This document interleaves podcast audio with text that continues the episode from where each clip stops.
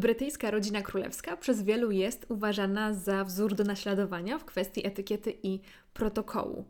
Nie dziwne więc, że media chętnie opisują każdą wpadkę i gafę gości pałacu Buckingham, jakoby ci nie zawsze umieli dobrze się zachować. Dzisiaj prześledzimy właśnie te gafy gości, ale także gafy członków brytyjskiej rodziny królewskiej. Porozmawiamy także o tym, czego możemy nauczyć się od royalsów i jakie elementy dworskiej etykiety możemy wprowadzić do naszego codziennego życia. Zapraszam. Słuchacie Państwo podcastu po królewsku.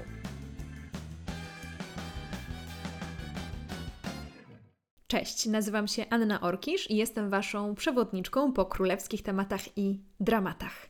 W dzisiejszym odcinku goszczę gościnie absolutnie specjalną. Moją rozmówczynią jest Aleksandra Pakuła, trenerka etykiety, specjalistka, jeżeli chodzi o etykietę i protokół. Wydaje mi się, że Aleksandra umiałaby z klasą wyjść z absolutnie każdej sytuacji, e, a także edukatorkę internetową.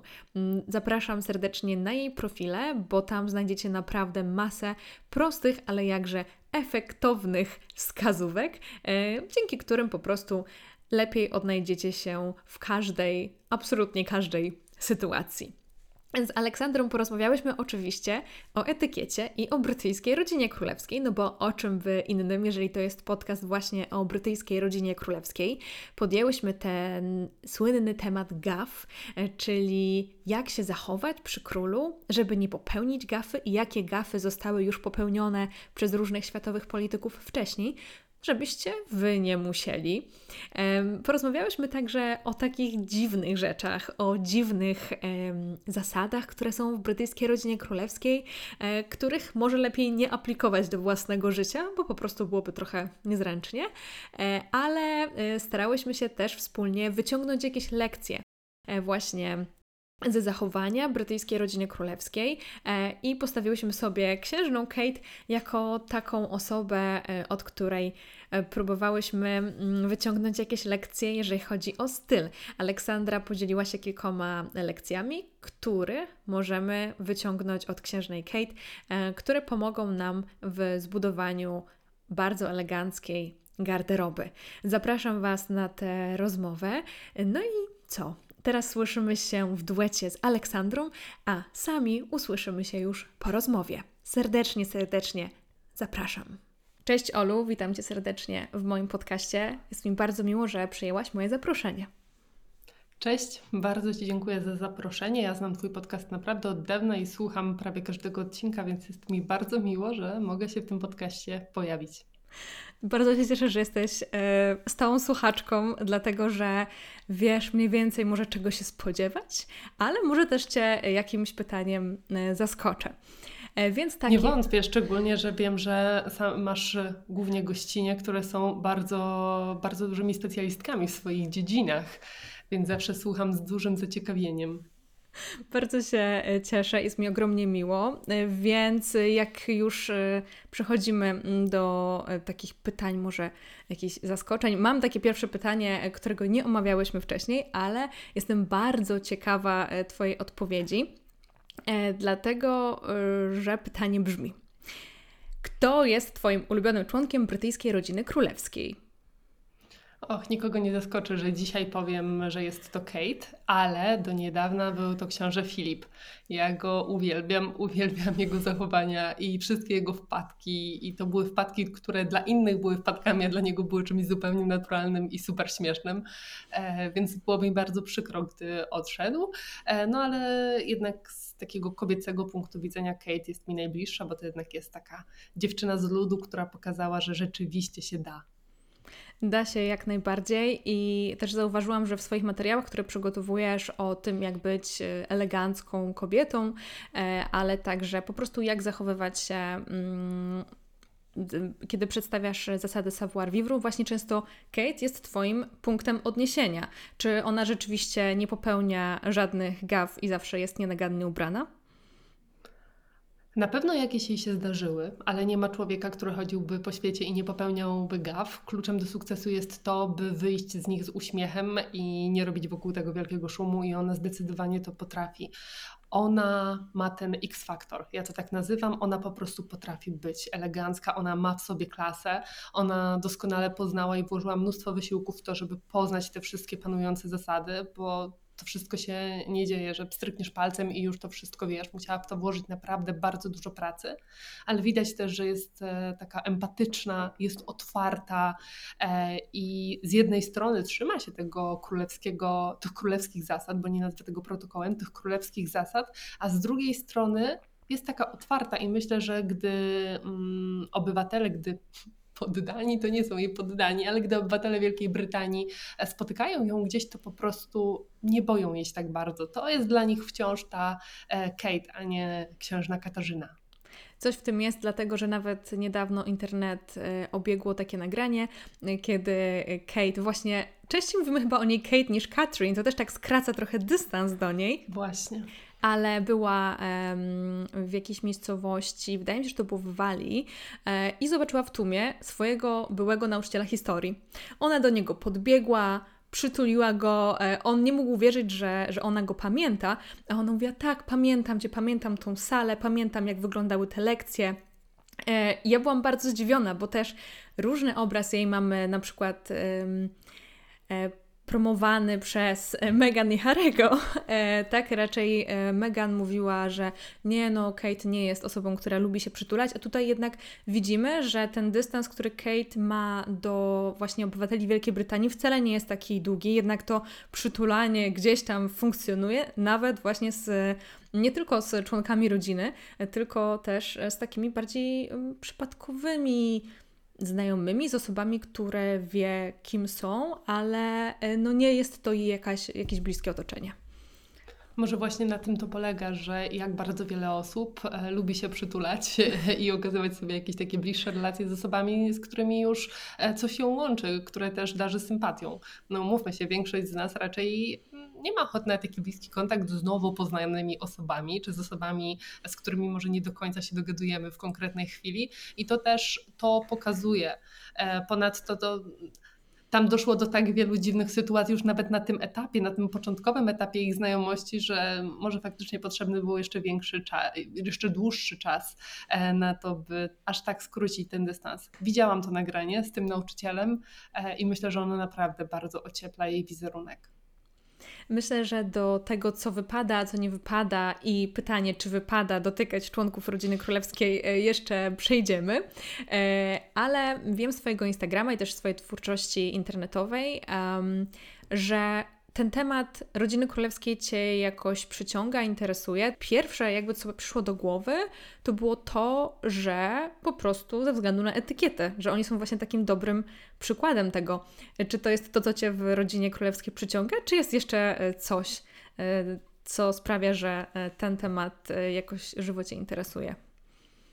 Ten temat interesuje mnie z dwóch powodów. E, po pierwsze, rzeczywiście są doskonałym przykładem, który mogę podawać, gdy mówię o jakichś zasadach etykiety, e, a z drugiej strony ja i z wykształcenia i też zawodowo zajmuję się marketingiem i PR-em e, i marketing rodziny królewskiej, w ogóle to, jak jest wykorzystywana i jak wielkie jest jej znaczenie tak naprawdę dla Wielkiej Brytanii, jest dla mnie czymś fascynującym. Każdy kraj ma swój budżet marketingowy. Jedni zapraszają influencerów, inni organizują jakieś wydarzenia, e, a Brytyjczycy mają swoją rodzinę królewską i to im generuje też dość e, dużą popularność jako narodowi, bo udało im się mieć tych najpopularniejszych na świecie royalsów. To prawda i oni są po prostu częścią popkultury, tak? Są tym towarem eksportowym. E, myślę, że tutaj nie będziemy wchodzić w to, czy to się opłaca, czy nie. Zresztą o tym był piąty odcinek The Crown, który może próbował jakoś ugryźć e, ten temat, mm, ale zdecydowanie, jeżeli słyszymy na przykład jakieś um, doniesienie prasowe, czy czytamy nagłówek w mediach, ktoś tam spotyka się z Karolem, ktoś spotykał się z królową Elżbietą, to od razu mamy wrażenie, że to jest jakieś niesamowicie prestiżowe. W realu oni stoją na tej samej linii co inne głowy państwa. Jednak to właśnie ten nagłówek, gdzie mamy królo- mieliśmy królową, czy mamy króla, od razu nam się wydaje, że to jest jakieś troszeczkę ważniejsze niż na przykład mm, przykładowo, nie wiem, prezydent Słowacji, tak? Jednak. Dokładnie. I na, nawet stoją tak naprawdę niżej, bo oni nie mają absolutnie żadnej decyzyjności.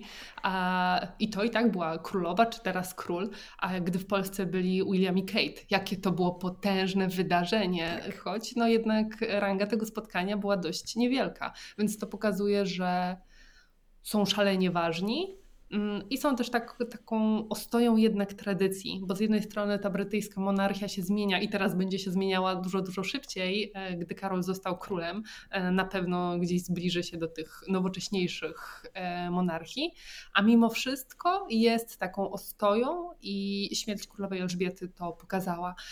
Spójrz, jak niewiele emocji ostatecznie, tak w porównaniu, um, budzi śmierć um, jakichś dawnych prezydentów, czy nawet um, osób, członków rodzi rodzin królewskich w innych krajach, z innych krajów, a jak potężnym wydarzeniem była śmierć królowej Elżbiety. To jest absolutnie nieporównywalne. Tak, myślę, że akurat w przypadku królowej Elżbiety ona sobie też zapracowała e, na to, e, na, no, na to, co się działo tak po jej śmierci. E, to, że przez 70 lat służyła krajowi, że była ikoną. No nie ma osoby na świecie, która by chyba nie słyszała o, o królowej Elżbiecie II. I myślę, że tutaj też podniosło to rangę tego wydarzenia. Ja jestem ciekawa, jak to będzie, jak e, umrze król Karol, dlatego że wtedy będziemy mm, bardziej mogli rzeczywiście porównać osobę, która tylko przez prawdopodobnie kilkanaście lat e, będzie sprawowała te funkcje właśnie do jakiegoś e, innego prezydenta, ale i tak myślę, że jednak zainteresowanie, zainteresowanie przybyciem na pogrzeb będzie znacznie większe. Jak już e, jesteśmy przy odwiedzinach, to przeczytałam dzisiaj.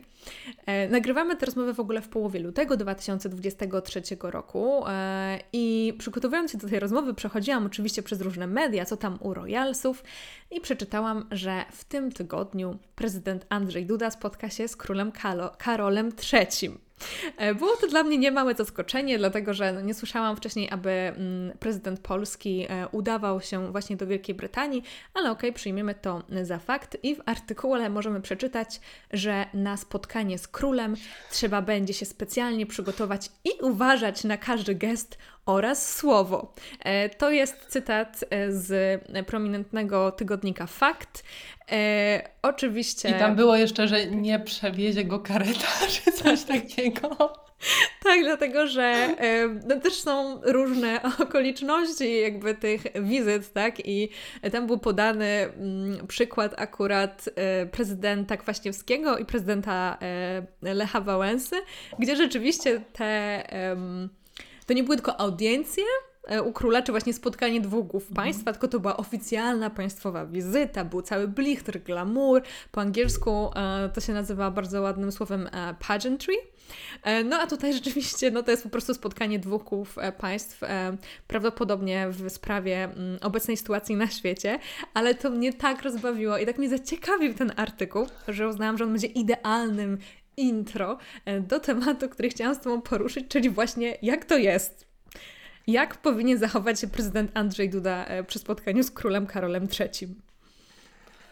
Ja jestem dość spokojna, gdy mówimy o tym spotkaniu, bo nie chodzi mi tu absolutnie o żadne sympatie polityczne, ale o takie doświadczenie i powiedzmy obycie albo wyczucie. Myślę, że e, Andrzej Duda sobie poradzi całkiem nieźle, bo dotąd zachowania jego, ale przede wszystkim jego żony e, pokazują, że rzeczywiście gdzieś to, gdzieś to wyczucie mają. I Podejrzewam, że nie pojawią się takie wpadki jak wcześniej e, naszym głową, głową naszego państwa podczas spotkań z koronowanymi głowami, bo wiele osób kojarzy takie wydarzenie, gdzie podczas kolacji z królem i królową Szwecji akurat Bronisław Komorowski e, podkradł kieliszek królowej i była taka chwila mm, konsternacji. Ostatecznie król to wszystko e, rozwiązał, podał po prostu ten kieliszek naszego prezydenta, żeby, żeby ostatecznie królowa też miała z czego się napić, ale tutaj mam wrażenie, że taka sytuacja się nie wydarzy. E, ale o czym powinien pamiętać Andrzej Duda i Agata Duda, bo domyślam się, że będą tam oboje. No przede wszystkim powinni pamiętać, że monarchy się nie dotyka. Już wcześniej o tym wspomniałaś, a na pewno nie dotyka się ich podczas wizyt państwowych i tę zasadę w przeszłości złamała Michelle Obama, która tak. E, przytulała królową i media sobie na niej poużywały, więc mam nadzieję, że nasza para prezydentka para prezydencka będzie pamiętała, że jednak się ich nie dotyka, poza podaniem dłoni, które zresztą zainicjuje król. Ta zasada wydaje się oczywista i mam nadzieję, że wszyscy o tym pamiętają, chociaż z tego co pamiętam, e, Donald Trump niekoniecznie tak bardzo czekał na tę królową, raczej zachowywał się jakby był u siebie, e, a nie był gościem. E, powinien też pamiętać, nasza para prezydencka powinna pamiętać, że jako pierwsza nie zabiera głosu. E, ten, ten przywilej będzie należał tutaj do króla e, i w ogóle mówi się, że nie powinno się zagadywać do króla czy wcześniej królowej.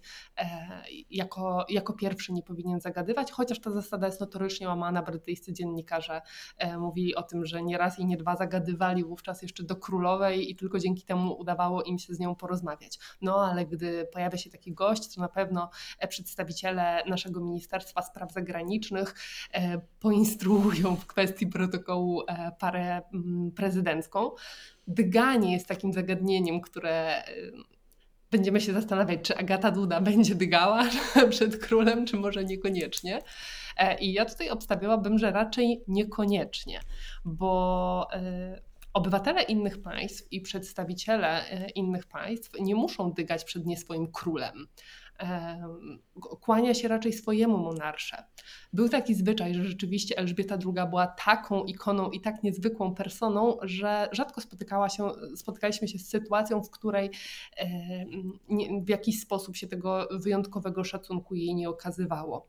Nie robili tego na pewno e, prezydenci Stanów Zjednoczonych, bo oni nieraz się na tym sparzyli i była taka głośno bardzo media w Stanach Zjednoczonych pisały o sytuacji, w której Barack Obama e, skłonił się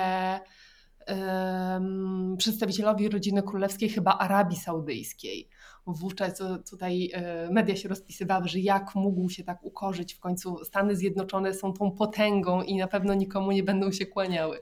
Więc tak, też... wszedł na ego. Stanów Zjednoczonych, zdecydowanie. Tak, zdecydowanie, e, więc e, tutaj też nie spodziewałabym się tych ukłonów, tym bardziej, że król Karol rzeczywiście ten dystans skraca bardzo mocno i te relacje już nie są tak formalne, jak były też z królową Elżbietą. Także ja z przyjemnością będę oglądała zdjęcia z tego wydarzenia i później wczytywała się w plotki, które na pewno będą przesadzone i na pewno będą ubarwione.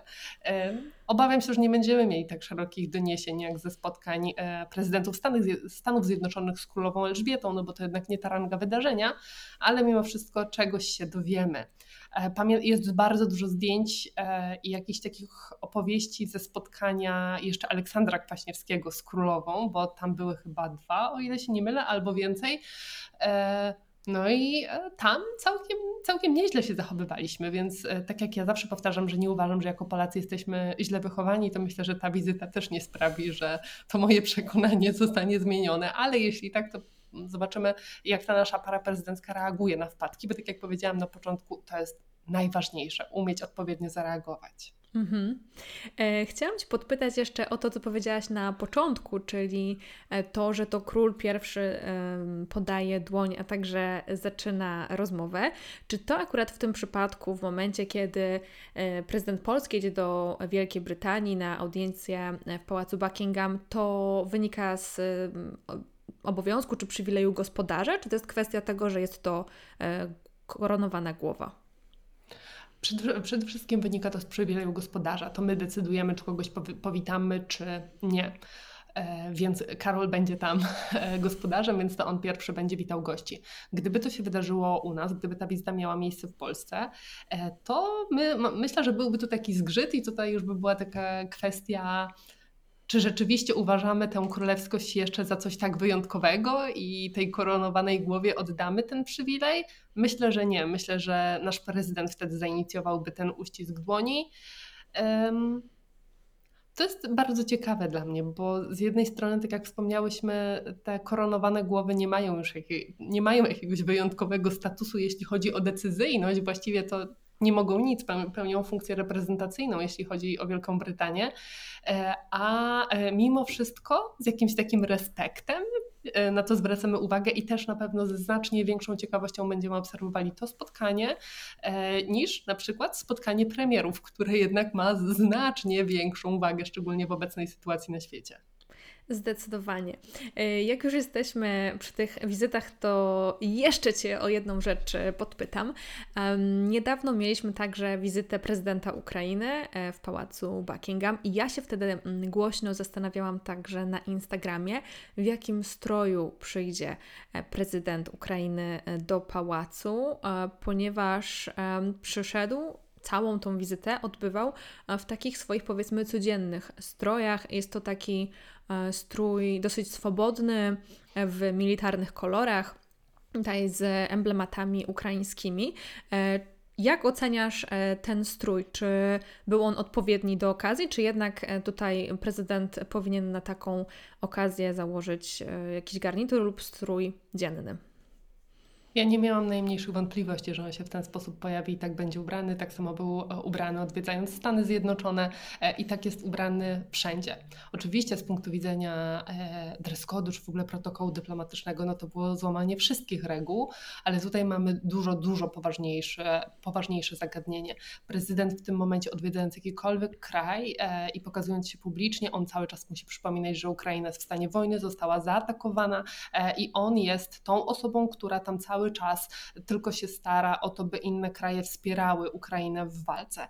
E, dlatego ja nie widzę w tym absolutnie nic złego i przeciwnie uważam, że ten jego strój jest już czymś tak charakterystycznym, że mam nadzieję, wojna skończy się bardzo szybko i o niej zapomnimy, ale wcale mnie nie zdziwi, jeśli on się będzie pojawiał tak też w innych sytuacjach. Myślę, że to bardzo dobrze działa też na jego wizerunek wewnątrz swojego kraju, bo cały czas to jest prezydent, który jest gotowy do walki. On w każdej chwili może wskoczyć w samolot e, i jechać walczyć. Wyglądałoby to trochę niezręcznie, szczególnie, że ten strój jest już wybierany jakiś czas, gdyby nagle jego obywatele giną na froncie, e, jego kraj jest w stanie wojny, a on wskakuje w garnitur i tutaj świetnie bawi się z królem. E, więc myślę, że jest to bardzo, bardzo spójne i możemy się też podobnego stroju spotykać niedługo podczas spotkania, z, no, które za moment nastąpi znów z prezydentem Stanów Zjednoczonych. Ja też e, ostatecznie przyjęłam to z dużym ciepłem i zgadzam się absolutnie ze wszystkim, e, co mówisz. E, no ale właśnie tak sobie przypominałam Twoje wszystkie nauki i tak się zastanawiałam, czy to będzie złamanie dress code'u, czy nie. Gdyby Andrzej Duda się tak wybrał do rodziny królewskiej, to nie zostawiałabym na niej suchej nitki i nie dlatego, że jest Andrzejem Duda. Gdyby Joe Biden się tak wybrał, to też bym tutaj uważała, że jest to bardzo, bardzo niegrzeczne, ale E, prezydent Zełański ma wyjątkowe względy, myślę, teraz w dużej części świata i słusznie. Jak najbardziej. W takim razie pomówmy sobie może o takich czasami nieco zabawnych sytuacjach, jakimi są gafy osób, gości właśnie rodziny królewskiej. Tutaj już wspomniałaś wcześniej o Michelle Obamie, która e, spotykając się z królową Elżbietą, w ogóle mm, no, Obamowie mieli takie dosyć ciepłe stosunki z brytyjską rodziną królewską, e, ale ona jednak jakby nadużywając e, te sympatie, dotknęła królowej Elżbiety, co było szeroko komentowane, tak jak już powiedziałaś, e, w mediach, że było to zbytnie spoufalanie się z monarchinią, też no po prostu monarchy Wielkiej Brytanii, przynajmniej tamtej monarchini się nie dotyka. E, czy były jakieś inne takie legendarne wpadki, na których możemy się uczyć? O, myślę, że tych wpadek związanych z brytyjską rodziną królewską i ich gośćmi była cała masa i możemy w ogóle tutaj, ja sobie przygotowałam notatki związane z tymi wpadkami, bo trudno byłoby e, je wszystkie zapamiętać, ale w ogóle możemy wrócić jeszcze do czasów sprzed panowania Elżbiety II, czyli gdy królem był e, Jerzy V. Do Wielkiej Brytanii wówczas przypłynął Mahatma Gandhi, e, który był w swoim tradycyjnym stroju, e, czyli był w takiej tunice płóciennej. E, no i tak się chciał spotkać z rodziną królewską. Poinstruowano go, że jego strój powinien wyglądać zupełnie inaczej i jak powinien być ubrany, a mimo wszystko z tego nie skorzystał i wpadł na tę brytyjską herbatkę w swojej po prostu białej tunice. E, został przyjęty przez rodzinę królewską, później powiedział, że został ciepło przyjęty, ale ogólnie to nic ciekawego się na tej wizycie nie wydarzyło, tylko jakieś takie pogawędki, więc też raczej nie był z tej, tego spotkania e, zadowolony. E, kurtuazyjna wymiana zdań po prostu. No, musi być wszystko dyplomatyczne. No typowe dla apolitycznej brytyjskiej rodziny królewskiej. Czy komuś się to podoba, czy nie. Tak to wygląda i, i, i wyglądało już w czasach króla Jerzego V. Później zresztą dalej te stroje tradycyjne występowały i e, już Filip, mój ulubiony Filip, książę Filip, podczas spotkania z prezydentem Nigerii, który też wystąpił w, e, swoich tradycyjnych, w swoim tradycyjnym stroju, został zapytany przez Filipa, czy ten wybiera się spać, bo wygląda jakby właśnie szedł spać. Więc, Ach, więc... te słynne gafy Filipa.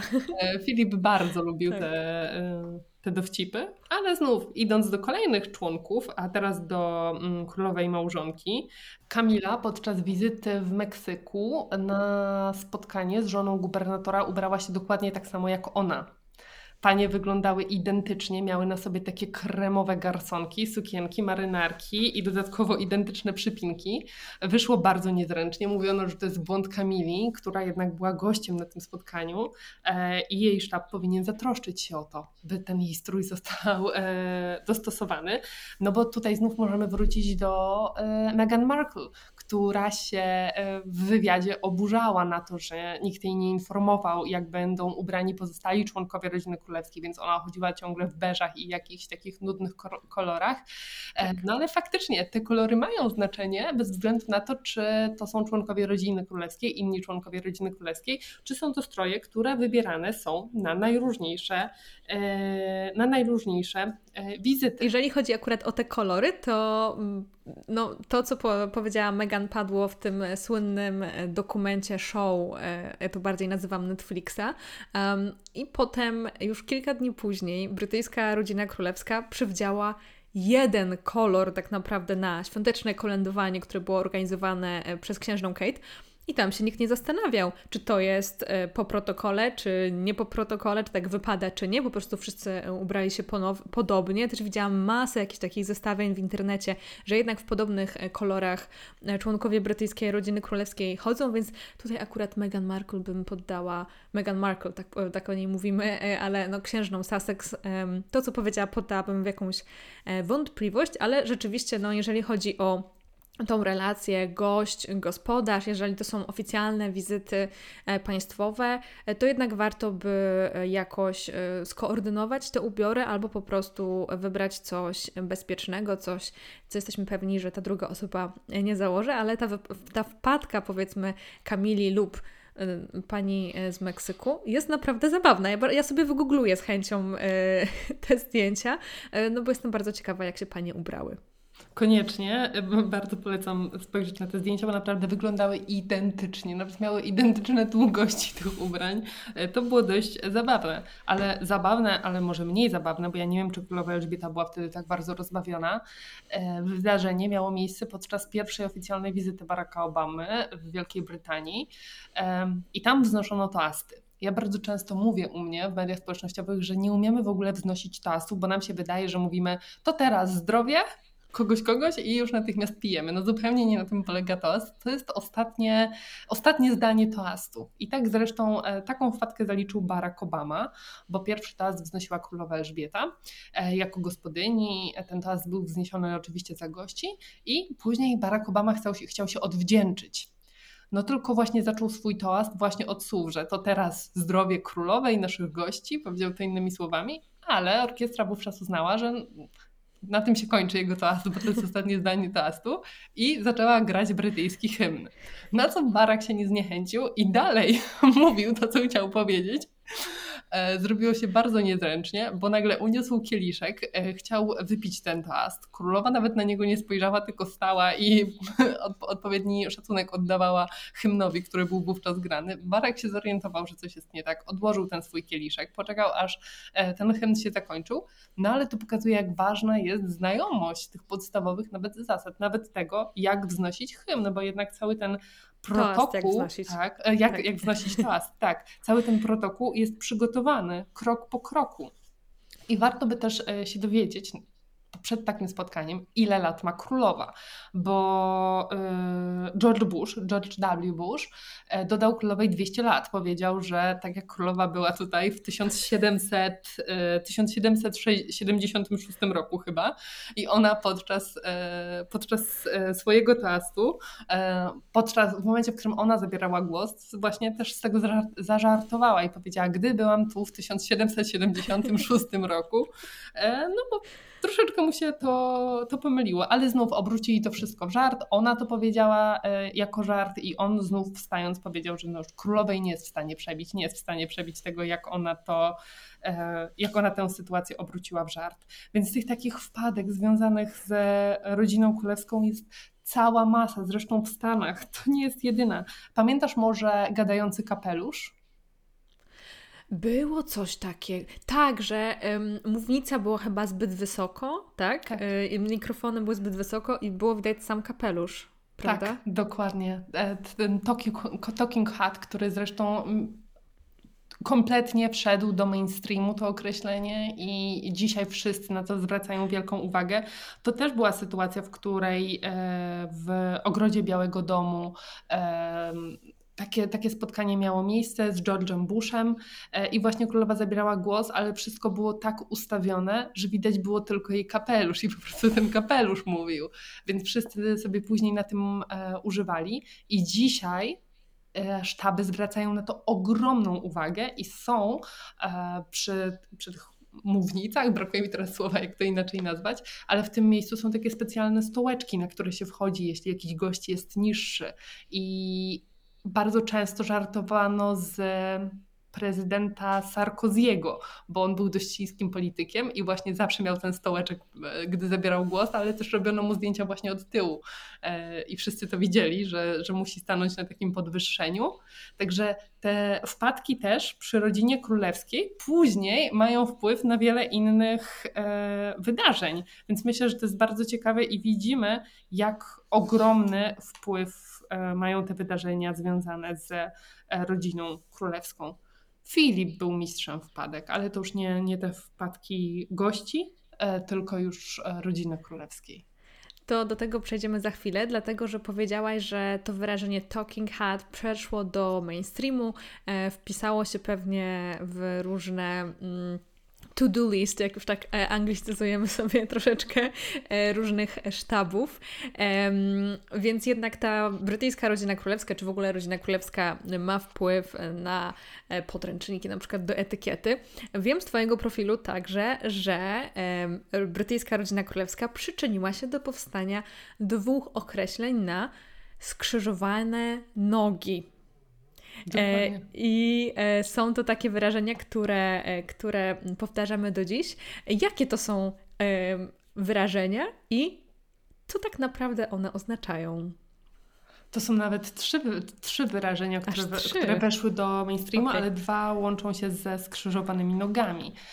Pierwsze z nich one wzięły się stąd, że e, tłumaczono jakąś zasadę, właśnie jak elegancko siedzieć, bo to wcale te osoby tego nie wymyśliły, ale tłumaczono to i brakowało przykładów. I właśnie brytyjska rodzina królewska okazała się idealnym przykładem, bo jak coś nazwiesz, to już wtedy nie musisz opisywać tego sposobu siedzenia, tylko rzucasz nazwę, moi odbiorcy już w większości ją znają i oni od razu wiedzą o co mi chodzi. I w ten sposób mamy trzy takie nazwy.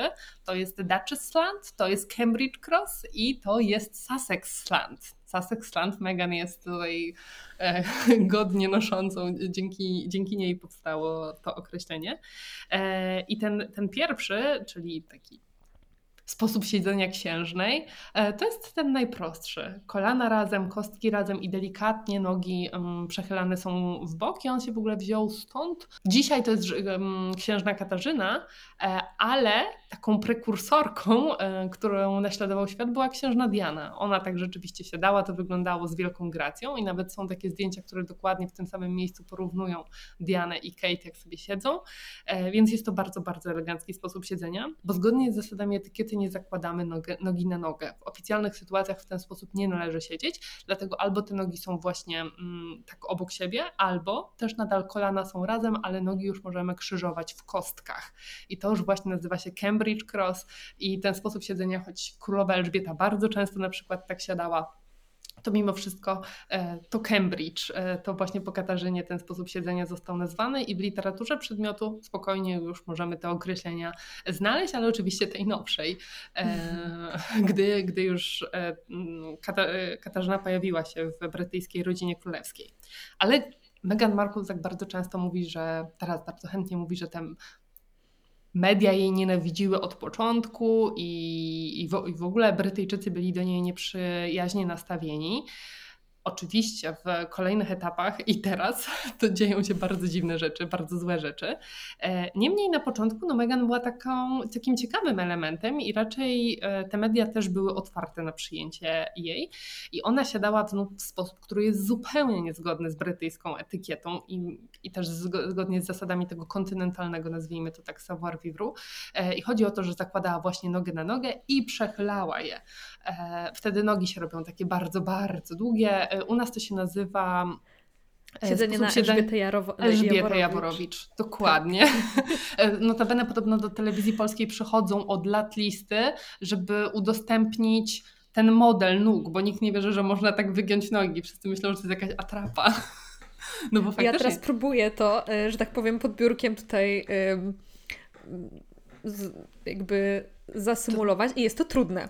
To jest bardzo trudne i jeśli jeszcze w tak intensywny sposób, to siedzisz sobie po prostu na jednym biodrze. Twoja miednica mm. robi coś strasznie dziwnego i mnie to boli, ja bym nie była w stanie, ale właśnie um, przyjmując Megan do tej rodziny królewskiej, gdzieś ci bry- nowocześni znawcy brytyjskiej etykiety nazwali właśnie ten sposób siedzenia Sussexland. On już się dzisiaj nie pojawia, zniknął tak samo szybko jak Megan, pojawił się i zniknął, e, ale jednak jest i gdy ja chcę coś wytłumaczyć, to też na początku pokazuje, podpisuje, a później już po prostu operujemy jedną nazwą, więc e, rodzina królewska ma potężny wpływ e, na, na, na w ogóle to kontynentalne rozumienie zasad etykiety. Jeżeli słuchacie tego odcinka i Wam się podoba, jeżeli chcecie wspierać e, mój projekt po królewsku, to koniecznie na YouTubie kliknijcie kciuka do góry, a na YouTubie oraz w innych aplikacjach podcastowych kliknijcie subskrybuj, obserwuj. Dzięki temu dotrę do większej ilości osób i podcast po prostu będzie mógł się rozwijać. To jest naprawdę bardzo ważne i za każdy wyraz takiego wsparcia bardzo serdecznie Wam dziękuję. A teraz wracamy do rozmowy. A w takim razie, jeżeli no, generalnie zachowują się dobrze, to na pewno zdarzają im się jakieś gafy, wpadki. E, już wspomniałaś o całej grupie wpadek e, księcia Filipa, no, który był legendą, jeżeli chodzi o, o wpadki i czego on to tam nie mówił. Myślę, że teraz by się to jednak jego gafy um, nieco gorzej zestarzały. Um, Wyobrażasz sobie, i... że dzisiaj... Y wiesz, takie jego słynne zdania, jak na przykład widzi filipińską pielęgniarkę i pyta, czy na, że na Fili- mówi, że na Filipinach musi być bardzo pusto, skoro połowa Filipińczyków jest z Wielkiej Brytanii. Albo pyta y, studenta brytyjskiego, który wybrał się, już nie pamiętam do jakiego kraju, mówi do niego, że miałeś szczęście, że cię nie zjedli. No Albo powiem tak, dobrze, że wtedy mu, nie było social mediów. Proponują mu dotknięcie koali, on mówi, że nie, bo jeszcze się czymś zarazi. Więc rzeczywiście dzisiaj byłyby to naprawdę potężne skandale. E, tak. Albo nazywanie prasy. E, on w, w Kanadzie będąc? Nie, na Karaibach chyba. Powiedział, że wy macie moskity, my mamy prasę porównując właśnie e, prasę właśnie takich szkodników. Dlatego dzisiaj mnie to bawi, bo to też jest odniesienie do zupełnie innych czasów i trzeba rozumieć e, tę mm -hmm. osobę, e, w jakich, jakich on realiach też dojrzewał. No to było zupełnie inaczej. Świat naszych dziadków wyglądał zupełnie inaczej, ta poprawność Prawda. też wyglądała zupełnie inaczej, ale dzisiaj no myślę, że nie miałby łatwo. Tam też było takie zdanie chyba... Mm, to było chyba w Chinach czy w Japonii, e, w którymś z tych krajów azjatyckich, gdzie je się dużo ryżu. E, spotkał się z brytyjskimi um, studentami, którzy właśnie tam przebywali na wymianie, i on powiedział do nich coś e, w stylu, że um, uważajcie, bo jeżeli tu będziecie zbyt długo na tej wymianie i będziecie jedli zbyt dużo ryżu, to zrobią wam wszystko tak, to też pamiętam. Jakby tak. W czasach, w których jeszcze no, sytuacja z Rosją nie wyglądała tak jak teraz, on powiedział, że chętnie by się wybrał na wycieczkę do Rosji, gdyby nie by, do, do Moskwy, gdyby nie wymordowali mu połowę rodziny. No, był po prostu do bólu, do bólu szczery, szczery, Ale był takim promyczkiem wtedy jednak tej sztywnej rodziny królewskiej. On się tam nie gryzł w język. To prawda. Ale czy tego typu mhm teksty, no, nazwijmy to tekstami, można zaliczyć jaką, jako takie, taką totalną wpadkę, jeżeli chodzi o savoir Oczywiście, że można i każde, każde z tych słów było totalną wpadką I, i rzeczywiście prasa nie zostawiała momentami suchej nitki na nim, no ale miał już też trochę inne względy. Po drugie, inni członkowie rodziny królewskiej, mimo że nie mówili takich rzeczy jak on, a mimo wszystko nie mówili takich rzeczy, ale też zapewniali prasie pożywkę. Jednak ta prasa brytyjska musi mieć co jeść i członkowie rodziny królewskiej są dla niej świetnym pokarmem. Oczywiście. E, czy oprócz księcia Filipa przypominasz sobie jakąś taką wpadkę e, członków brytyjskiej rodziny królewskiej? Czy jednak coś im się tam omsknęła, omsknęła im się noga? Mówi Mówiłam wcześniej, że e, Kate jest moją ulubioną postacią i ma wielkie wyczucie, ale nie obyło się bez, e, nie obyło się bez spadek i takich kobiecych, których możemy się naprawdę od niej nauczyć z tego jej błędu, to są jej latające sukienki. No, ona nieraz pokazała nogi bardzo wysoko, czy to na lotnisku, e, czy podczas ślubu Eugenii. Tam też jej różowa sukienka latała bardzo konkretnie i ona kompletnie nie umiała sobie z nią poradzić. E, a tu już mogłaby jej pomóc jej teściowa, gdyby, gdyby żyła, czyli księżna Diana, bo ona nawet w tej swojej e, powiedzmy to autobiografii, e, pisanej jednak przez kogoś innego, tam nawet mówiła o tym, że zanim weszła do rodziny królewskiej nie wiedziała, że istnieje coś takiego jak obciążniki do sukienek. I dzięki takim wpadkom mm -hmm. dzisiaj Kate też możemy się dowiedzieć, no ja miałam taką sytuację, że założyłam sukienkę, która po, po prostu latała jak sama chciała i nauczyłam się wtedy rozumu, więc myślę, że inne kobiety e, też obserwując takie latające sukienki, pewnie każda z nas miała gdzieś taką sytuację, jeśli nosi sukienki, e, mogą się na jej błędzie uczyć. Kate zresztą pokazuje, pokazywała, jak radzić sobie z takimi problematycznymi sytuacjami. Kobiety, które chodzą w butach na obcasie, Myślę, że każdej z nas chociaż raz zdarzyło się, że nam gdzieś utknął obcas, czy to w jakiejś studzience, czy gdzieś w kostce, tak? I Kate też się to zdarzyło. Mm podczas e, parady z okazji święta, święta świętego Patryka. E, e, mm, tam właśnie jej utknął w ogóle cały but, cały obcas w, w kratce kanalizacyjnej no i musiała się zatrzymać i po prostu wyjąć sobie ten but. Ale tragedia się nie stała, zdjęcia są. Dzisiaj każda z nas wie, że to się może zdarzyć. Nic nadzwyczajnego. Najważniejsze, żeby wtedy sobie nie skręcić e, kostki i już. Oni zresztą coraz chętniej łamią te zasady i na przykład gdy mówimy o Kate, e, choć zdarzało się, że robiła sobie selfie gdzieś tam, ktoś, ktoś się poprosił i się uśmiechnęła, to teraz mam wrażenie, że gdy król został królem, e, to coraz chętniej takie zachowania się zdarzają, więc e, w ciekawy sposób możemy to obserwować łamał zasady, ale też w taki ciekawy sposób, gdzie możemy to oglądać, e, możemy to dzisiaj spojrzeć na to. E, Harry, oczywiście, tam jest milion skandali z nim związanych, ale dla wielu ciekawe może być to, że jego zarost był problemem dla rodziny królewskiej, no bo członkowie rodziny królewskiej e, powinni chodzić elegancko ogoleni. Podobno królowa tego oczekiwała. Oczywiście tu znów możemy mówić, że podobno, bo, bo takie zasady spisane nie zostały i dopóki nas tam nie ma, to nie wiemy, możemy słuchać tylko plotek. E. I Haremu pozwolono na przykład e, mieć tę brodę podczas ślubu i podobno o to był zazdrosny William, który mógł nosić brodę, gdy był poza Wielką Brytanią, ale już na swój ślub został poproszony, by jednak ją zgolić i być idealnie mm, ogolonym.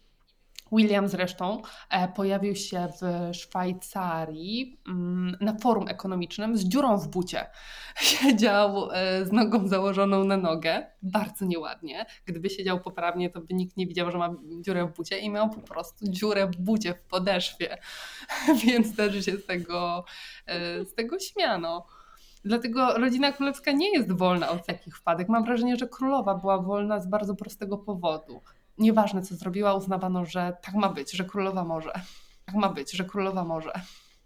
Dokładnie, ale jeżeli chodzi o te e, buty Williama, to gdyby stosował się do rad swojego ojca, prawdopodobnie by e, do takiej sytuacji nie doszło, dlatego że e, legendarne już e, są buty Karola, które on chyba nosi 20 czy 30 lat, ale je cały czas reperuje. Więc może William mógłby wziąć po prostu info kontakcik do, do jakiegoś szewca nadwornego i może by się obyło bez. Chociaż Jak można zrobić dziurę w bucie od, od wewnątrz? Nie wiem Można. dokładnie. Można, ja widziałam takie na żywo, e, ale w ogóle myślę, że obaj synowie króla mogliby się tego nauczyć od niego, bo Harry też nieraz był widziany w takich zniszczonych butach, jakby naprawdę był człowiekiem e, wyjątkowo albo oszczędnym, albo e, ekologicznym, albo niezbyt majętnym i chodził w tych butach, dopóki się zupełnie nie rozpadną.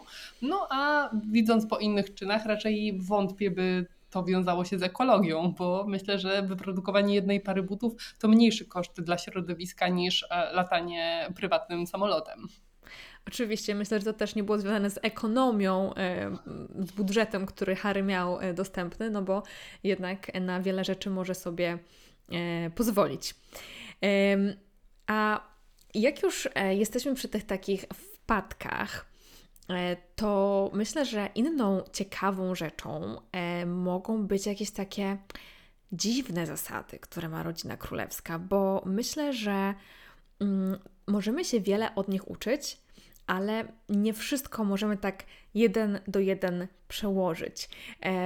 na przykład, no, jakby taką niepisaną zasadą, o której mówiono kiedyś, taką wymian, wymieniana jest często jako taka dziwna zasada, jest to, że członkinie brytyjskiej rodziny królewskiej nie mogą mieć pomalowanych paznokci na inny kolor niż przezroczysty. Nawet swego czasu słynny e, był lakier Essie Ballet Sleepers, który mam w swojej kolekcji. Jest to też mój tak. ulubiony lakier do paznokci.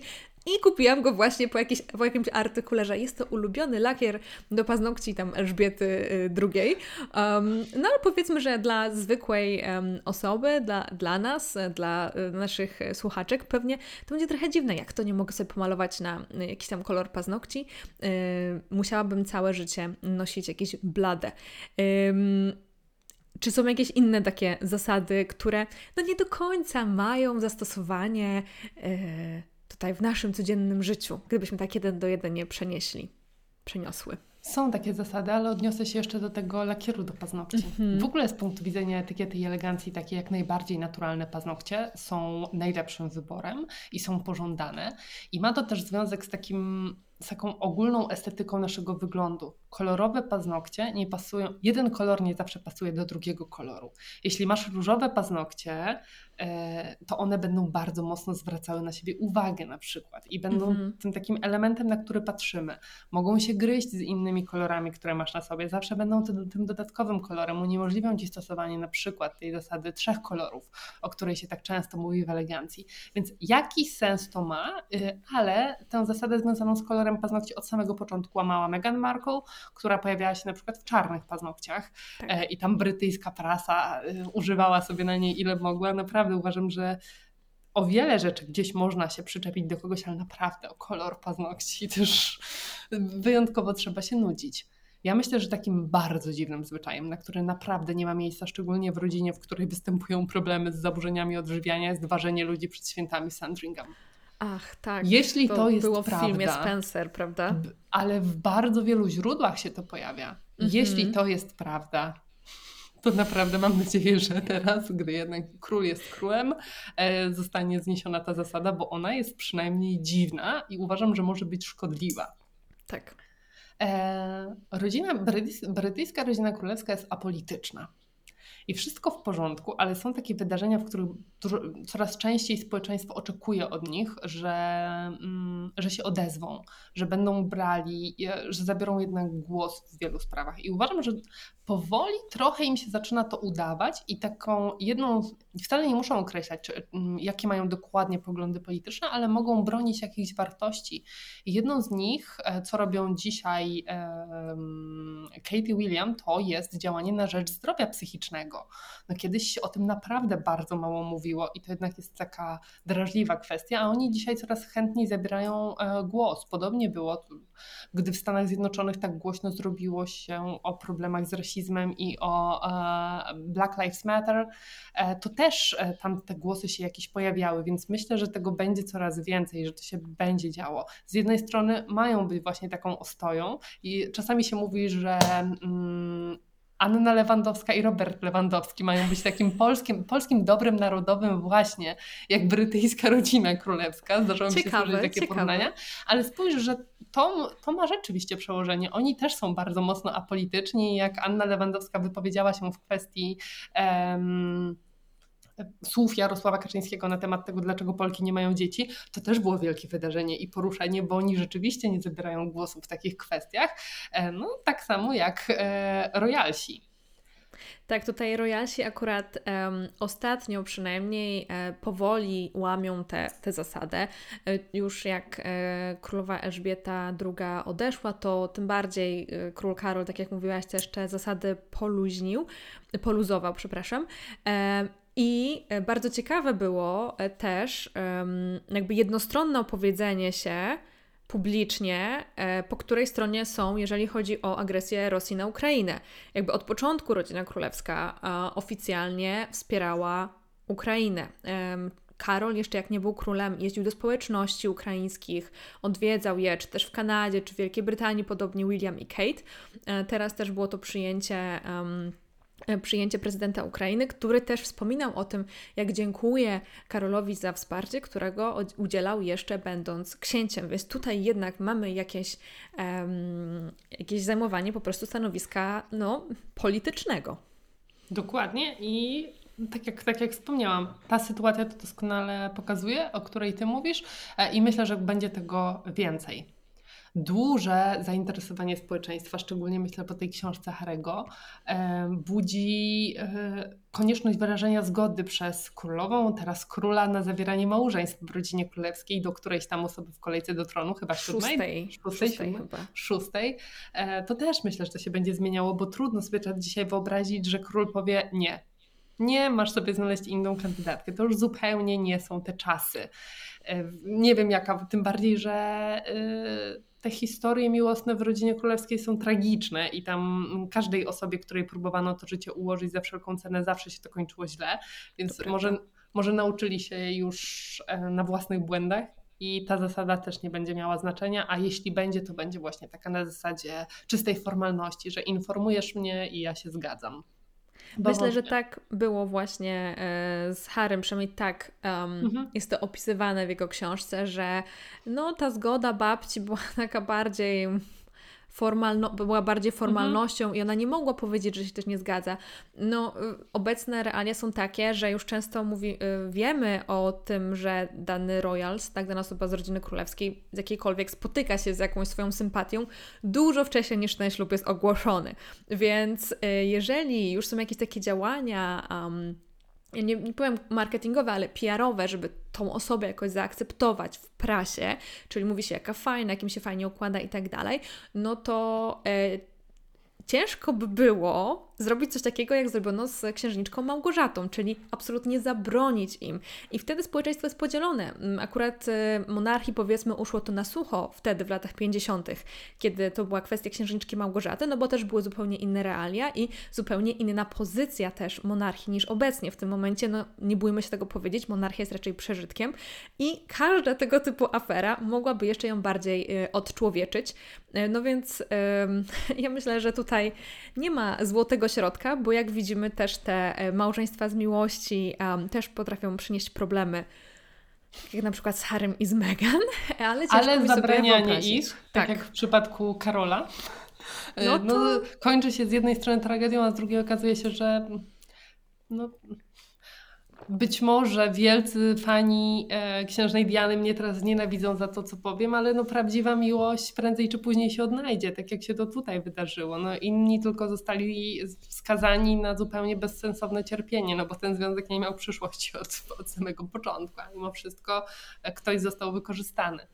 E, ale jeszcze taką jedną rzeczą, którą uważam, że rodzina królewska przynajmniej przestanie się tak głośno chwalić, to są polowania bardzo rodzinie królewskiej się obrywa za te polowania na bieżąco i e, oni no, zostali wychowani w miłości do polowań od najmłodszych lat e, i myślę, że to nie ma przyszłości, że dzisiaj polowania są tak bardzo znienawidzone przez społeczeństwo, że no, muszą coś z tym zrobić albo przynajmniej przestać o tym mówić.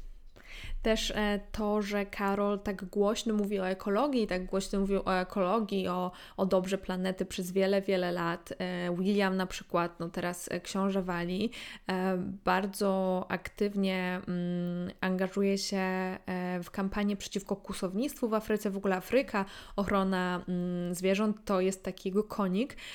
To mi się zupełnie nie zgrywa z tymi polowaniami. To jest jakby na przeciwnej szali. Jakby jak, możesz mówić, że y, tutaj jesteśmy przeciwko kusownictwu w Afryce i zabijaniu słoni, jeżeli tutaj sobie jedziemy y, w grudniowy weekendzik i strzelamy do, nie wiem, jeleni czy kuropatw. No właśnie, więc y, tych, jest mnóstwo tych zachowań, które moim zdaniem są trochę dziwne, a, y, i się zmienią, no ale jest też trochę takich brytyjskich zwyczajów, które czynią tę rodzinę po prostu brytyjską i taką fajną i taką trochę inną.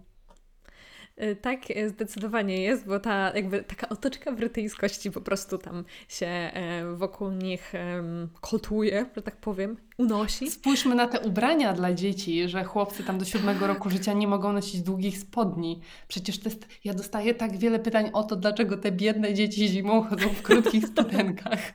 Oczywiście klimat w Wielkiej Brytanii jest inny niż w Polsce, ta pogoda jest inna, ale mimo wszystko no, u nas to jest nie do pomyślenia, żebyś w grudniu wypuściła dziecko w krótkich spodenkach. Myślę, że jak w, we wrześniu wypuścisz bez czapeczki, to już jest problem na dzielni, a co dopiero e, w krótkich spodenkach w grudniu. No właśnie, więc e, te, te zasady, albo zasada związana z tym, taka ciekawa, ale która się raczej nie zmieni. To jest ta związana z tym, że następcy tronu nie podróżują razem, ale to jest takie mm. trochę nawiązanie na przykład do tego, że prezydent i wiceprezydent e, nie, nie podróżują razem, choć ta zasada była jednak łamana dla Williama dla Williama i jego dzieci. On jednak z małym księciem podróżował, podobno do któregoś roku życia miał, e, miał na to pozwolenie, ale też pokazuje się, jak jednak ta sukcesja jest istotna w rodzinie, że ostatecznie jednak ci następcy tronu muszą być zabezpieczeni. Pewnie. Chociaż akurat myślę, że to nie jest taka rzecz, którą my jako zwykli śmiertelnicy możemy wprowadzić w życie, bo raczej yy, nie będziemy podróżować osobno od swoich dzieci, wręcz przeciwnie, razem z tymi dziećmi się podróżuje, żeby mieć je pod ręką. no bo powiedzmy sobie, nie mamy zastępu nianiek, ale Jakie takie proste zasady e, z brytyjskiej rodziny królewskiej możemy zastosować w codziennym życiu? mówić mniej. To jest zasada, która moim zdaniem powinniśmy naprawdę brać z nich przykład, bo to jest, e, to jest bardzo ciekawe, że dzisiaj wiemy, obserwujemy dramat z Meghan i Harrym i, i tę ten cały dramatocyryk, tak bym to nazwała. E, I z drugiej strony wiemy, że nie poznamy stanowiska tej drugiej strony. Owszem, może jakieś przecieki do pracy, może ktoś coś wypuści, ale rodzina tego nie skomentuje. I myślę, że my możemy się od nich uczyć po prostu czasami tego, żeby mniej mówić, nie brać publicznie brudów, e, nie w każdej e, kwestii się wypowiadać, że tak jak mamy prawo do wypowiedzenia się, tak też możemy mieć prawo do niewypowiadania się w jakichś kwestiach i nie uprawiać takiego społecznego ekshibicjonizmu, który szczególnie w mediach społecznych społecznościowych ma miejsce, że pokazujemy wszystko, każdy moment naszego życia i o wszystkim wiemy, to tutaj ta brytyjska, zasada brytyjskiej rodziny królewskiej związana z tym, żeby mniej mówić, e, by nam się przydała. Nawet w takich stosunkach przyjacielskich i czysto towarzyskich. Czasami na takich spotkaniach jest ktoś, kto non-stop mówi, ale kompletnie nie interesuje go, co słychać u innych. Więc e, to moglibyśmy poćwiczyć, ale z jednej strony mniej mówić, a z drugiej nauczyć się small talku. E, ja uwielbiam czasami sobie obserwować te spotkania z Brytyjczykami gdzieś e, często e, czy Williama i. Kate, czy wcześniej Meghan i Harego, czy też e, wcześniej jeszcze księcia Wali, no bo oni są mistrzami small talku po prostu każdą z tych osób potrafią zagadać i zamienić z nimi dwa, trzy słowa. Dla tych ludzi to jest niebywałe wydarzenie, że mieli taką okazję. E, I szczególnie my, Polacy, powinniśmy się trochę tego uczyć, bo z jednej strony e, chcielibyśmy sobie z kimś pogadać, a z drugiej strony nie wiemy, jak zacząć. Więc myślę, że Smoltoku w ogóle od Brytyjczyków, ale już od rodziny królewskiej, to zupełnie moglibyśmy się uczyć. E, ważny jest też ten szacunek dla tradycji. Mówimy, że wiele się zmieni, że Karol bardzo dużo zmieni, ale ta brytyjskość w nich zostanie. I mm, tak jak śmierć królowej Elżbiety pokazała, że są taką ostoją dla tego kraju, dla, dla ludzi po prostu gdzieś czasem zmęczonych e, tą polityczną walką. Oni jednak mają te swoje tradycyjne wartości, one są istotne, są pokazywani czasami jako idealna rodzina, szczególnie e, książę i księżna Wali teraz. E, idealna trójka dzieci, żona, mąż, no wszystko wygląda po prostu jak z okładki. I myślę, że dobrze jest mieć czasami w kraju właśnie taką, taki wzór mm, do naśladowania, choć wiemy, że nie jesteśmy w stanie wieść takiego życia, bo na przykład nie mamy zastępu nianiek, albo nie mamy tylu Prawda. stylistek, albo projektanci nie przysyłają nam ciągle nowych ubrań, ale jakaś taka namiastka, bez, z jednej strony to nie ma takiego właśnie, tak jak powiedziałam, ekshibicjonizmu jak idealne rodziny na Instagramie, bo jednak w sumie to niewiele o nich wiemy, a z drugiej strony gdzieś możemy sobie czasami poobserwować.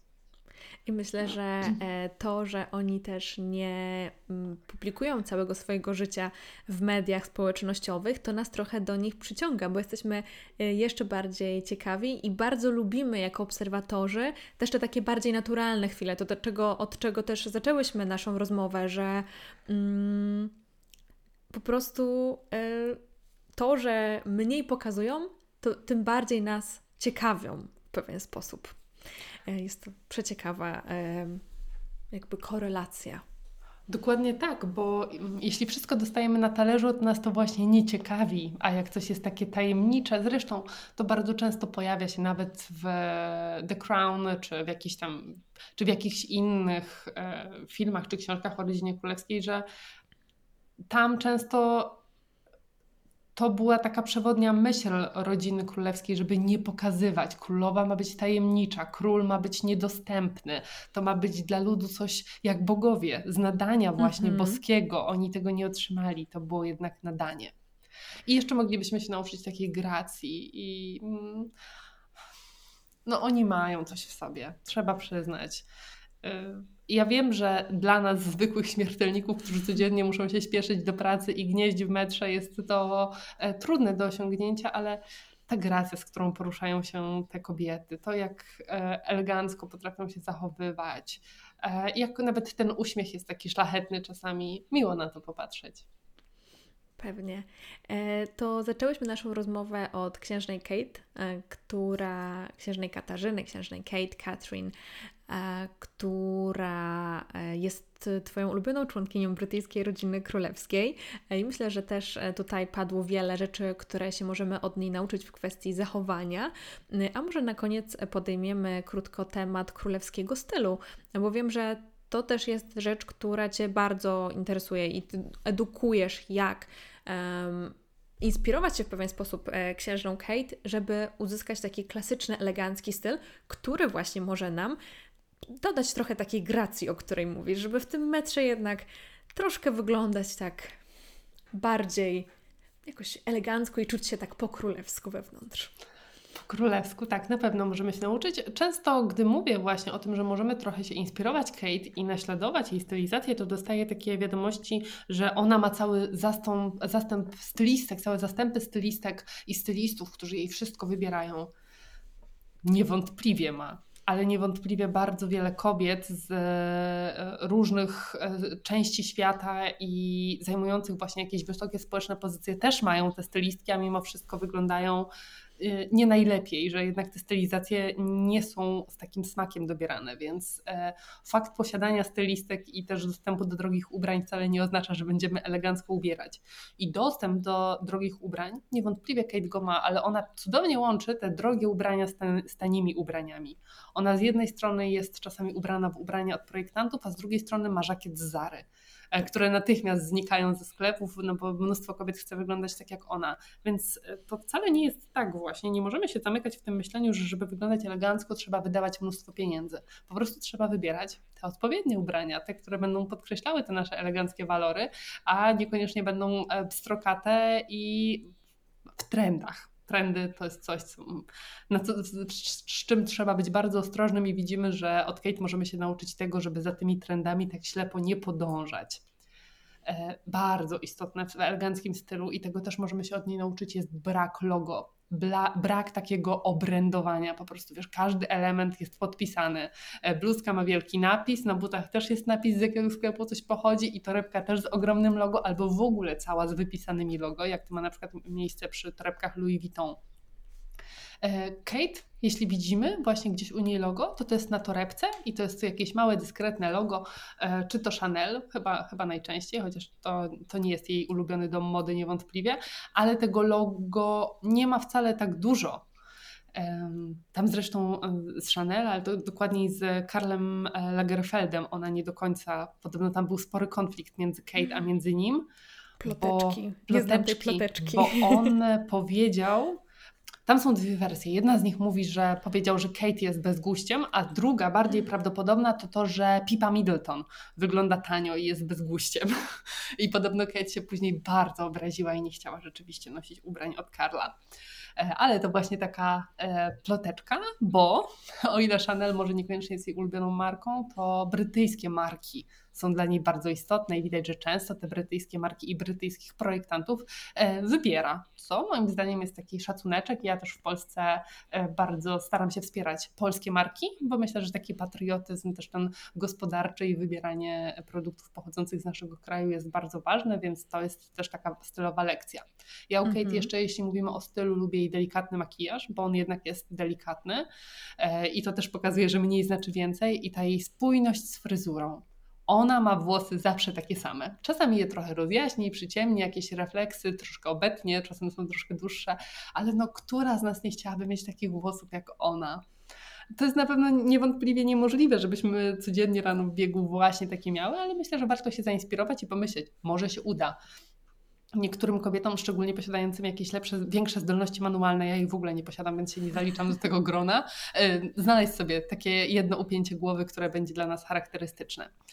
Ona też, do, tak, e, ona też do tego chwilę dochodziła, bo miała różne fryzurki tak. w bardzo podobnym tonie, wiadomo, trochę jakaś taka mhm. grzywka, coś tam, coś tam, ale rzeczywiście ostatnio już nawet jak miała trochę krótsze włosy, mhm. podobnie ma, e, podobny ten skręt jest zrobiony i to wygląda bardzo e, elegancko i bardzo e, tak, e, no właśnie, z jednej strony elegancko, z drugiej strony to nie jest takie upięcie jakieś, które, e, które robiłaby godzinami, tylko no, może nas zainspirować do takiego e, codziennego po prostu zadbania o swoją kondycję włosów. Lekkie podkręcenie, koniec, to jest też ok. Tym bardziej, że ona podobno w wielu tych elementach swojej urody dba o nią sama i też bardzo mocno się zmienił. Oczywiście no to jest znów wszystko podobno, nie dojdziemy do tego, e, bo nie wiemy, ale jej makijaż ze ślubu moim zdaniem był nie najlepszy i też widzimy, że go zmieniła. On był taki zimny. E, dzisiaj zdecydowanie wybiera jakieś cieplejsze tony, które moim zdaniem lepiej współgrają z jej urodą i też czysta ploteczka, ona podobno do tego swojego ślubu to malowała się sama. Bo była bardzo niezadowolona z makijażu, który jej wykonano, jakiegoś próbnego, i w końcu malowała się sama. No, A to jest duża odwaga. Nie wątpię, ale czasami, czasami ona rzeczywiście miała ten makijaż bardzo, bardzo delikatny. Wiesz, jak się spojrzy u nas na panny młode, to to widać, że tego się... Przeciętna kobieta by się tak nie umalowała, a jednak ten jej makijaż był naprawdę delikatny i miał tam właśnie kilka takich... Rumieńce miała dość istotne. Prawda. Więc to rzeczywiście mogła być taka domowa e, robota. Ale jeszcze i takim charakterystycznym elementem, na który na pewno Ty zwróciłaś uwagę i chyba wszyscy zwracają uwagę, są te jej płaszcze. Och, tak, sukienko płaszcze. No kto by nie chciał mieć takiego płaszcza w swojej e, szafie teraz? Jak ja bym chciała mieć takie płaszcze w swojej szafie. I jak ja bym chciała móc chodzić wszędzie w takich po prostu szpileczkach jak ona. W sensie chciałabym, żeby to były płaskie buty, ale żeby zawsze tak elegancko wyglądały.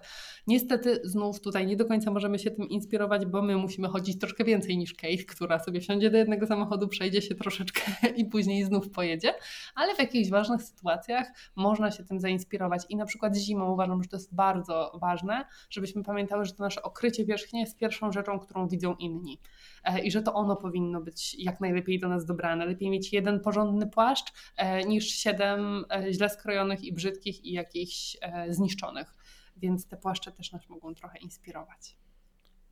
Super, to dziękuję Ci bardzo też w imieniu, myślę, moich słuchaczek za te cenne rady. Teraz już wszystkie pójdziemy kupić sobie porządny płaszcz i będziemy chodzić w ładnych butach.